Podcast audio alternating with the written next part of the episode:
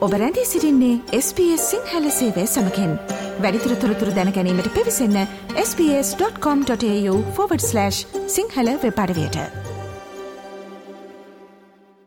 ඔබ SBS සිංහල කුවන් විදිලිය සමකෙන්. ඔස්ට්‍රලියාවේ දෙදහස් විසි දෙක විසිතුන මුල්ලවර්ෂය මේ වන විට නිමාවට පත්වෙලා ඉවරයි. ඉතින් ඒ මුල්ලවර්ෂය සඳහා ටැක්සිටන් එක යොමු කිරීම දැන් ආරම්භ කරලා තියෙනවා. තමන්ගේ ටැක්සිටන් යොමු කරන ලෙස මේ වන විට ඔස්ට්‍රලන් බදුකාරයල දැනුන්දී ලත්තිනවා මෙතනදි මේ ටැක්ස් ෆයිල් නම්බර එකට වගේම ඔස්ට්‍රලියාවේ මේ ABN නම්බර එකටත් බොහෝ දෙනෙක් රැකයා කරනවා නැත්තං කොන්ත්‍රාත් කරනවා. බොහෝ දෙනෙකුට තියෙන ප්‍රායෝගික ප්‍රශ්නයක් තමයි මේ ABN එකට වැඩ කරන විශේෂම රැකයා කරන කොන්ත්‍රාත් කරන පුද්ගලයන් ටැක්සිටන් එකක් යොමු කරන්නට ඕනෙද නැත්තං සාමාන්‍ය අපි අහන ප්‍රශ්න තමයි ඒබියෙන් එකට වැඩ කරනවනං ටැක්ස එක දාන්න ඕනෙද. මේ ප්‍රශ්නත් එක්ක තවත් ප්‍රශ්න ගණනාවක් ඇදිල තින ඉතින් ඒ ප්‍රශ්නවලට උත්තර හොයන්න තමයි දැන් අපි ස්පස් සිංහල ගොන් දිලිෙක් සුදනම් වන්නේ අපි මේ සාකච්ඡාවට සම්බන්ධ කරගන්නවා මෙල්බන්නුවර ගණකාධිකාරිවරයක් සහ ලියාපදිංචි බදු නියෝජිතවරයක් ලෙස කටයුතු කරන ඉරානි ගම්මන් පිළ මහත්මියව. ඉරානය අයිබෝවන්න සුබෝදෑසනක් කියල පිළිගන්නවා අපේ ස්පේස සිංහල ගුවන් ඉදිලියට අයිබෝන් මතුර හොඳයි ABN එකට රැකයා කරන හෝ කොන්ත්‍රාත් කරන පුද්ගලයන් ටැක්සිටන් එකක් ඉදිරිපත් කිරීමට අවශ්‍ය දේරාණි. ABN එකක් කියන්නේ ඔස්ට්‍රේලියාව තුළ යම්කිසි ව්‍යාපාරයක් පවත්වාගෙන යන්න නම් අපිට ඔස්ට්‍රේලියන් බිස්නස් නම්බ කෙනෙක අත්‍යවශ්‍ය වෙනවා. මේ ඔස්ට්‍රේලියන් බිස්නස් නම්බර්ස් ලබා ගන්නා විවිධාකාර ව්‍යාපාර ව්‍යුහ තියෙනවා. ඒ කියන්නේ බිස්නස් ස්ට්‍රක්චර්ස් තියෙනවා. උදාහරණයක් හැටියට සෝල් ට්‍රේඩර් බිස්නස් එක. ඒ කියන්නේ තනි පුද්ගල ව්‍යාපාරයක්. එහෙමත් නැත්නම් හවුල් ව්‍යාපාරය. ඒ කියන්නේ පාර්ට්නර්ෂිප් එකක්. එහෙමත් නැත්නම් සමාගමක්. ඒ කියන්නේ කම්පැනි එකක්. එහෙමත් නැත්නම් ට්‍රස්ට් එකක් වෙන්න පුළුවන්. මේ ආකාරයේ විවිධාකාර ව්‍යාපාර ව්‍යුහ, ඒ කියන්නේ බිස්නස් ස්ට්‍රක්චර්ස් වලට ව්‍යාපාර පවත්වාගෙන යන්න නම් ABN එකක් අත්‍යවශ්‍ය වෙනවා. ඉතින් මේ ABN එකක් ලබාගෙන පවත්වාගෙන යන ව්‍යාපාරය සඳහා හැම මුල්්‍ය වර්ෂයක් අවසානයේම, ඒ කියන්නේ හැම ෆයිනෑන්ෂල් ඉයර් එකක් අවසානයේම ලැබෙන ආදායම සහ වියදම ප්‍රකාශ කරලා ටැක්ස් රිටර්න් එකක් ලොජ් කරන්න සිද්ධ වෙනවා. ඉතින් තම තමන් යටතේ තියෙන මේ විවිධාකාර ව්‍යාපාර ස්ට්‍රක්චර්ස් වෙනස් වෙන්න පුළුවන්. මේ විවිධාකාර ව්‍යාපාර ස්ට්‍රක්චර්ස් වලට අදාළ වෙන ටැක්ස් රේට්ස්, ඒ කියන්නේ බදු ප්‍රතිශත එම ස්ට්‍රක්චර් එක මත වෙනස් වෙනවා. ඔව් දැන් ඒ ඒ ව්‍යාපාර ව්‍යුහවලට බදු සීමාවන් අදාළ වෙන ආකාරය පිළිබඳවත් අපි විස්තරයක් කරමු ඉරානි. ප්‍රථමයෙන්ම අපි සාකච්ඡා කරමු සෝල් ට්‍රේඩර් බිස්නස්. ඒ කියන්නේ තනි පුද්ගල ව්‍යාපාරයකට කොහොමද ටැක්ස් රේට්ස් ඇප්ලයි වෙන්නේ කියලා. තනි පුද්ගල ව්‍යාපාරයක් පවත්වාගෙන යන කෙනෙක්ට ප්‍රථම ඩොලර් 18200 ලාභයට කිසිම ටැක්ස් ගෙවීමක් සිද්ධ කරන්න සිද්ධ වෙන්නේ නැහැ. ඒ කියන්නේ පළවෙනියටම හම්බෙන ඩොලර් 18200 ලාභය ලාභය මෙතන මෙතන අපි කතා කරන්නේ ලාභයට ටැක්ස් ගෙවීමක් සිද්ධ කරන්න සිද්ධ වෙන්නේ නැහැ. ඩොලර් 18201 සිට ඩොලර් 45000 අතර ලාභයක් ලැබුවා නම් 19ක ටැක්ස් එකකුත් ඩොලර් 45000 සිට ඩොලර් 120000 වෙනකන් ලාභයක් ලැබුවා නම් 32.5ක ටැක්ස් එකකුත් එක් ලක්ෂ විසිදාහේ සිට එක් ලක්ෂ අසූදහ වෙනකන් ලාභයක් ලැබුවා නම් සිට 37ක ටැක්ස් එකකුත් එක් ලක්ෂ 80ට වඩා ලාභ ප්‍රමාණයක් ලැබුවා නම් සිට 45ක ටැක්ස් එකකුත් ගෙවන්න සිද්ධ වෙනවා. මේ ඇවිල්ලා තනි පුද්ගල ව්‍යාපාරයක් පවත්වාගෙන යන කෙනෙක්ට. ඊළඟට අපි සාකච්ඡා කරමු සමාගම. ඒ කියන්නේ කම්පැනි එකකට කොහොමද ටැක්ස් ගෙවන්න වෙන්නේ කියලා. කම්පැනි එකක් ගත්තාම මේ කම්පැනි එකේ ආදායම ඒ කියන්නේ ටර්නෝවර් එක මිලියන 50ට වඩා අඩු නම් එම කම්පැනි එක ලබන ඩොලර් එකක ලාභයක් ලැබුවත් ඒ ලාභයට 25ක ටැක්ස් ගෙවීමක් සිද්ධ කරන්න වෙනවා. ඒ කියන්නේ ලාභයෙන් 25ක ප්‍රතිශතයකට ටැක්ස් ගෙවීම සිද්ධ කරන්න ඕනේ. අර තනි පුද්ගල ව්‍යාපාරයකදී වගේ 18200ක් වෙනකන් ටැක්ස් ගෙවීම සිද්ධ කරන්න වෙන්නේ නැහැ කියන එකක් කම්පැනි එකට ඇප්ලයි වෙන්නේ නැහැ. කම්පැනි ස්ට්‍රක්චර් එකක් යටතේ ඩොලර් එකක ලාභයක් ලැබුවත් 25ක ප්‍රතිශතයකට ටැක්ස් ගෙවීමක් සිද්ධ කරන්න ඕනේ. ඒ වගේම මිලියන 50කට වඩා ටර්නෝවර් එකක් වැඩි කම්පැනි එකක් නම් ඒ කම්පැනි එක 30ක ටැක්ස් ගෙවීමක් සිද්ධ කරන්න වෙනවා. ඉතින් ස්මෝල් බිස්නසස් අපි කියන්නේ ව්‍යාපාර මිලියන 50ට වඩා අඩු ආදායම් ලබන ව්‍යාපාරවලට සිට 25ක ටැක්ස් රේට් එකක් තමයි ඇප්ලයි වෙන්නේ. ඊළඟට අපි සාකච්ඡා කරමු හවුල් ව්‍යාපාර ගැන.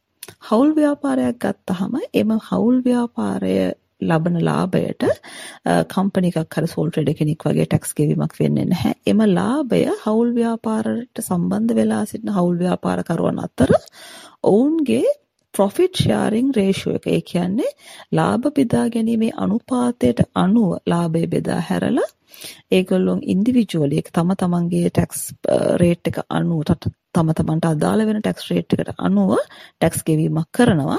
එහෙම නැතුව හවුල් ව්‍යාපාරයේ හැටියට ටැක්ස් ගෙවීමක් සිද්ධ වෙන්නේ නැහැ. ඒ කියන්නේ පාර්ට්නර්ෂිප් එකක් ටැක්ස් ගෙවන්නේ නැහැ.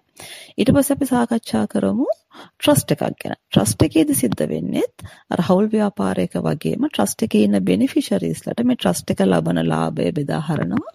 ඊට පස්සේ බෙනිෆිෂරීස්ලා Tamanට අදාළ වෙන ටැක්ස් රේට් එක අනුව ටැක්ස් ගෙවනවා ඉන්ඩිවිජුවලි. ඊට පස්සේ ට්‍රස්ට් එක ටැක්ස් ගෙවීමක් කරන්නේ නමුත් ඕනෑම අවස්ථාවක ට්‍රස්ට් එකේ ලාභය බෙදා හරින්නේ නැතුව ට්‍රස්ට් එක ඇතුළත රඳවා ගත්තොත් එම ට්‍රස්ට් එක සිට 45ක ටැක්ස් එකක් ගෙවන්න වෙනවා මේ ලාභයට. ඉතින් ගොඩක් වෙලාවට සිද්ධ වෙන්නේ මේ ට්‍රස්ට් එකේ ලාභය ට්‍රස්ට් එකේ තියන්නේ නැහැ. අපි ඒක බෙදා හැරීමක් කරනවා බෙනිෆිෂරිස්ලට.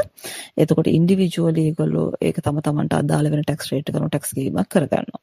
ඔව ඉරානි දැන් ABN එකට ආදායමක් උපයන යම්කිසි පුද්ගලයෙක් තමන්ගේ ටැක්ස්ටන් එක ඉදිරිපත් කරේ නැත්තං ඔහුට හෝ ඇයට මොකක්ද සිද්ධ වෙන්නේ? ABN එකක් එහෙමත් නැත්නම් ටැක්ස් ෆයිල් නම්බර් එකක් තියෙන හැම කෙනෙක්ම ටැක්ස් රිටර්න් එක ලොජ් කරන්න ඕනේ හැම මූල්‍ය වර්ෂයක් අවසානයේ මේ කියන්නේ හැම ෆයිනෑන්ෂල් එකක්ම ඉවර වුණාම નિયમિત කාල සීමාවට පෙර ටැක්ස් රිටර්න් එක ලොජ් කරන්න ඕනේ. එතකොට ABN එකක් තියෙන ස්ට්‍රක්චර් එකක් ඒ කියන්නේ අපි ඉස්සර කතා කරපු විදිහට සෝල් ට්‍රේඩ් බිස්නස් එකක් එහෙම නැත්නම් කම්පැනි එකක් එහෙමත් නැත්නම් පාර්ට්නර්ෂිප් එකක් එහෙමත් නැත්නම් ට්‍රස්ට් එකක් මේ ඕනෑම ස්ට්‍රක්චර් එකක් යටතේ ව්‍යාපාරයක් පවත්වාගෙන යන කෙනෙක් ඉන්නවා නම් අනිවාර්යයෙන්ම ටැක්ස් රිටර්න් එකක් ටැක්ස් රිටර්න් එක ලොජ් කළ යුතු වෙනවා.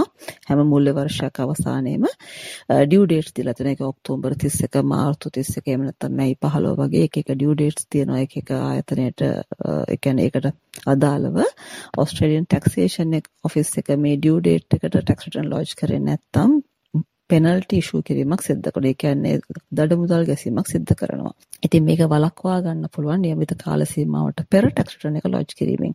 යම්කිසි නොවැළක්විය හැකි හේතුවක් නිසා tax return එක due date එකට ඉස්සෙල් lodge කරන්න බැරි වෙනවා නම් අපිට ඔස්ට්‍රේලියානු ටැක්සේෂන් ඔෆිස් එකට ලිඛිතව දැනුම් දීලා එක්ස්ටෙන්ෂන් එකක් ලබා ගන්න පුළුවන්. ඉතින් මේ එක්ස්ටෙන්ෂන් එක ඒ කියන්නේ දීර්ඝ කිරීම ඩිපෙන්ඩ් වෙනවා. ඒ කියන්නේ ඒක රඳා පවතින්නේ ඔස්ට්‍රේලියානු ටැක්සේෂන් ඔෆිස් එක එක මත ඒගොල්ලෝගේ යම්කිසි හේතුව මොකක් කරේ නොවැළක්වික හේතුව මත ලබා දෙන කාල සීමාව වෙනස් වෙන්න පුළුවන්. හොඳයි තවත් ප්‍රායෝගික ප්‍රශ්නයකින් මම අපේ සාකච්ඡාව නිමා කරන්නටයි බලාපොරොත්තු වෙන්නේ ඉරානි. දැන් යමෙකු ABN එකක් ලබාගෙන ඒ ABN එකේ මුදල් වර්ෂයේ භාවිතා කළේ නැත්තං ඒ ABN එකට ආදෑමක් ඉපුවේ නැත්තං ඒ සඳහා ටැක්ස් රිටර්නයක් යොමු කරන්න අවශ්‍යද? ABN එකක් ලබාගෙන ඒක පාවිච්චි කරේ නැතිනම් ටැක්ස් රිටර්න් එකක් ලොජ් කරන්න ඕනේ. ඒ ATO එකට ඔස්ට්‍රේලියන් ටැක්සේෂන් ඔෆිස් එකට අපි ඉන්ෆෝම් කරන්න ඕනේ අපිගේ ආදායමක් ලැබුවේ නැහැ, අපේ ලාභයක් ලැබුවේ නැහැ. එහෙම කියලා. ඉතින් ටැක්ස් රිටර්න් එකක් මාර්ගයෙන් තමයි මේ අපි දැනුම් දීම සිද්ධ කරන්නේ. සෝල් ට්‍රේඩර් කෙනෙක් නම් ඒ කියන්නේ තනි පුද්ගල ව්‍යාපාරයක් තියෙන කෙනෙක් නම් එයා වෙන රැකියාවක් කරනවා නම් එයා ටැක්ස් රිටර්න් එක හදනකොට එයාගේ වෙන රැකියාවක ඒ කියන්නේ එම්ප්ලොයිමන්ට් එකක් තියෙනවා නම් එයාගේ තව වෙනත් ආදායම් වර්ග ඒ කියන්නේ ෂෙයාර්ස් හරි එහෙම නැත්නම් ඉන්ට්‍රස්ට් හරි මොන හරි ඒ වගේ දේවල් වලින් ආදායම් ලැබීමක් කරලා තියෙනවා. ඒවා ඒවත් සඳහන් කරලා ABN එකට ආදායමක් ලැබලා නැත්නම් ඒක බිඳුව හැටියට සඳහන් කරලා ටැක්ස් රිටර්න් එකක් ලොජ් කරනවා. ඊට අමතරව කම්පැනි එකක් නම් ඒ කියන්නේ සමාගමක් නම් ආදායමක් ලැබලා නැත්නම් ඒත් අපි ආදායම ආදායම ආදායම සීරෝ ඒ කියන්නේ නිල් ටැක්ස් රිටර්න් එකක් ලොජ් කරනවා. පාර්ට්නර්ෂිප් එකකටත් එහෙමයි ට්‍රස්ට් එකකටත් එහෙමයි. මේක අනිවාර්යයෙන්ම කළ යුතු දෙයක් වෙනවා. මේ ඒ කියන්නේ ආදායම් ලැබුවේ නැහැ කියලා අපිට ටැක්ස් රිටර්න් එකක් ලොජ් කරන්න නැතු ඉන්න බෑ. ABN එකක් තියෙනකොට ඔස්ට්‍රේලියන් ටැක්සේෂන් එකට දැනුම් දීමක් සිද්ධ කරන්න ඕනේ. අපි ආදායමක් ලැබුවාද නැද්ද? අපි ලාභයක් ලැබුවාද නැද්ද කියන එක මේ හැමදේම වාර්තා වෙන්නේ ටැක්ස් රිටර්න් එකක් හරහා. ඉතින් ඒක නිසා අනිවාර්යයෙන්ම ටැක්ස් රිටර්න් එකක් ලොජ් කළ යුතු වෙනවා. හොඳයි අපි කතා බහ කරමින් පසුගේ මේ ඔස්ට්‍රලියාවේ ABN එකට ආදාමක් උපයන පුද්ගලයන් ටැක්ස්ටටන් එකක් යොමු කළ යුතුද කියන කාරණාව සම්බන්ධයෙන් මේ සාකචාවට අපි සම්බන්ධ කරගත්තේ මෙල්වනුවර ගණකාධිකාරිවරයක් සහ ලියාපදිංචි බදු නියෝජිතවරයක් ලෙස කටයුතු කරන ඉරානි ගම්මන් පිළ මහත්මියව ඉරානි බොහොමත්ව ස්තුතිවන්තයනවා මේ අදහස් අපිත් සමඟ බෙදාහදා ගැනීම සම්බන්ධයෙන් සුබ දවසක් ප්‍රාථනා කරනවා. මේ සාකච්ඡාවට මාව සහභාගි කරගත්තාට ඔබතුමාටත් SBS ආයතනයටත් බොහොමත්ම ස්තුතිවන්ත වෙනවා. අයුබෝවන්. SBS SBS SBS SBS SBS SBS Radio. ලයි කරන්න ෂයා කරන්න අදහස් ප්‍රකාශ කරන්න. SBS සිංහල ෆස්බුක් පිටුව ෆලෝ කරන්න.